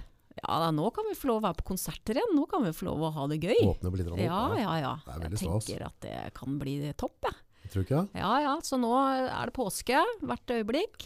Og så skal jeg tre uker til Kypros, og der skal jeg kose meg og nyte sola. Så det, Nice. det blir en smak av sommer eh, ganske kjapt, faktisk. Så deilig. Temperatur er det her nå? Du, det er jeg ikke helt sikker på, men det, jeg tror det er en ganske ok norsk sommer når jeg kommer ned. Ja. Og det, det gleder jeg meg til. Det er sånn at det kan bli en kald øl og du blir solbrent. Jepp. Så jeg må bruke litt faktor, tror jeg. Tre uker, altså bra. Ja, det blir kombo, da. Det blir ikke bare ferie, det blir å sitte og jobbe, jobbe en del òg. Men eh, igjen, sånn som vi snakka om i stad, altså det er jo bare å ta med seg Mac-en, så er man på nett. Så er det i orden. Ja. Det er ikke noe problem. Ja. Mm. Så stas. Jeg skal, neste gang jeg begynner, så skal jeg komme innom og kikke på kontoret deres. Du, det må du gjøre. Det syns jeg er veldig hyggelig. Ja. Så syns jeg det var utrolig hyggelig å få være her og sitte og pludre litt. Da. Ja, Veldig koselig at du tok deg tid òg, Ja. oppi alt. Det er viktig, det. Tusen takk, tusen takk. Så må du bare si ifra hvis det er noen sånne saker som, Ja. som du syns er litt kult å ta Ja, opp. For det, det blir, jeg syns sånn prinsipielt, da. Sånn lovgivning, altså hva, Mm. hva kan myndighetene Mm. gjøre med oss, og hva kan de ikke gjøre? Det, Ja, ja, ja, ja. det er noe som vi skal følge med på, alle mann. Ja, og så er det jo ting som dukker opp eh, innimellom som kan være litt morsomt å snakke om òg, som kan være litt sånn greit for folk å vite òg, tenker jeg. Ja. Så det kan hende jeg kommer på besøk en annen gang. Ja. Det er bra. Her er du velkommen når som helst. Tusen takk, da kan jeg komme hjem igjen. Ja. Skal innom mo- moderen i dag, eller? Du, moderen hun er i Frankrike og koser seg, oh, så hun er ikke hjemme. hun, hjemme. ja, ja, ja, så hun driver og farter fælt. Vet du, pensjonist, hun har all verdens tid, vet du. Ja. Det er ikke noe, ikke noe hjelp å få. Vi er bare ute og farter og koser er seg. Helt håpløst. Frankrike, da, det er ikke dumt. Nei da, så er, eh, hun er sammen med en mann som har en, en, et sånt eh, fint landsted der, da. Så Oi. nå driver de og planter planter og ordner og styrer. De har det bedre enn Ja da, så det, de har det helt fantastisk. Jeg håper jeg blir sånn som pensjonist. Helt strøken. Hvis noen skal ha tak i deg, da, hvor finner de den? Da finner de meg på brex.no, eller så kan du ringe 90 19 0045. Mm. 90 19 0045. Eller så, mm, ja, vi er da på Facebook, og vi har, jeg tror vi har hele 53 mm, venner på Instagram, så det er jeg veldig stolt av. Ja. Der har vi vært veldig aktive. Veldig aktive. Det er noe å følge opp alt dette der, altså. Det er det, altså. Ja, Helt klart. hverdag. Helt klart. Så vet en liksom ikke hva skal han poste, hva skal han ikke poste. Nei, Det er, det er noe styr med det. det er det. Så ser du, jeg finner du oss på Facebook hvis du har lyst til det. Mm, mm. Så ta gjerne kontakt. Ellers er telefonnummeret vårt eh, på kontoret vårt er 22 53 53 53. Oi, det, Det kan hende noen klarer å huske. Ja.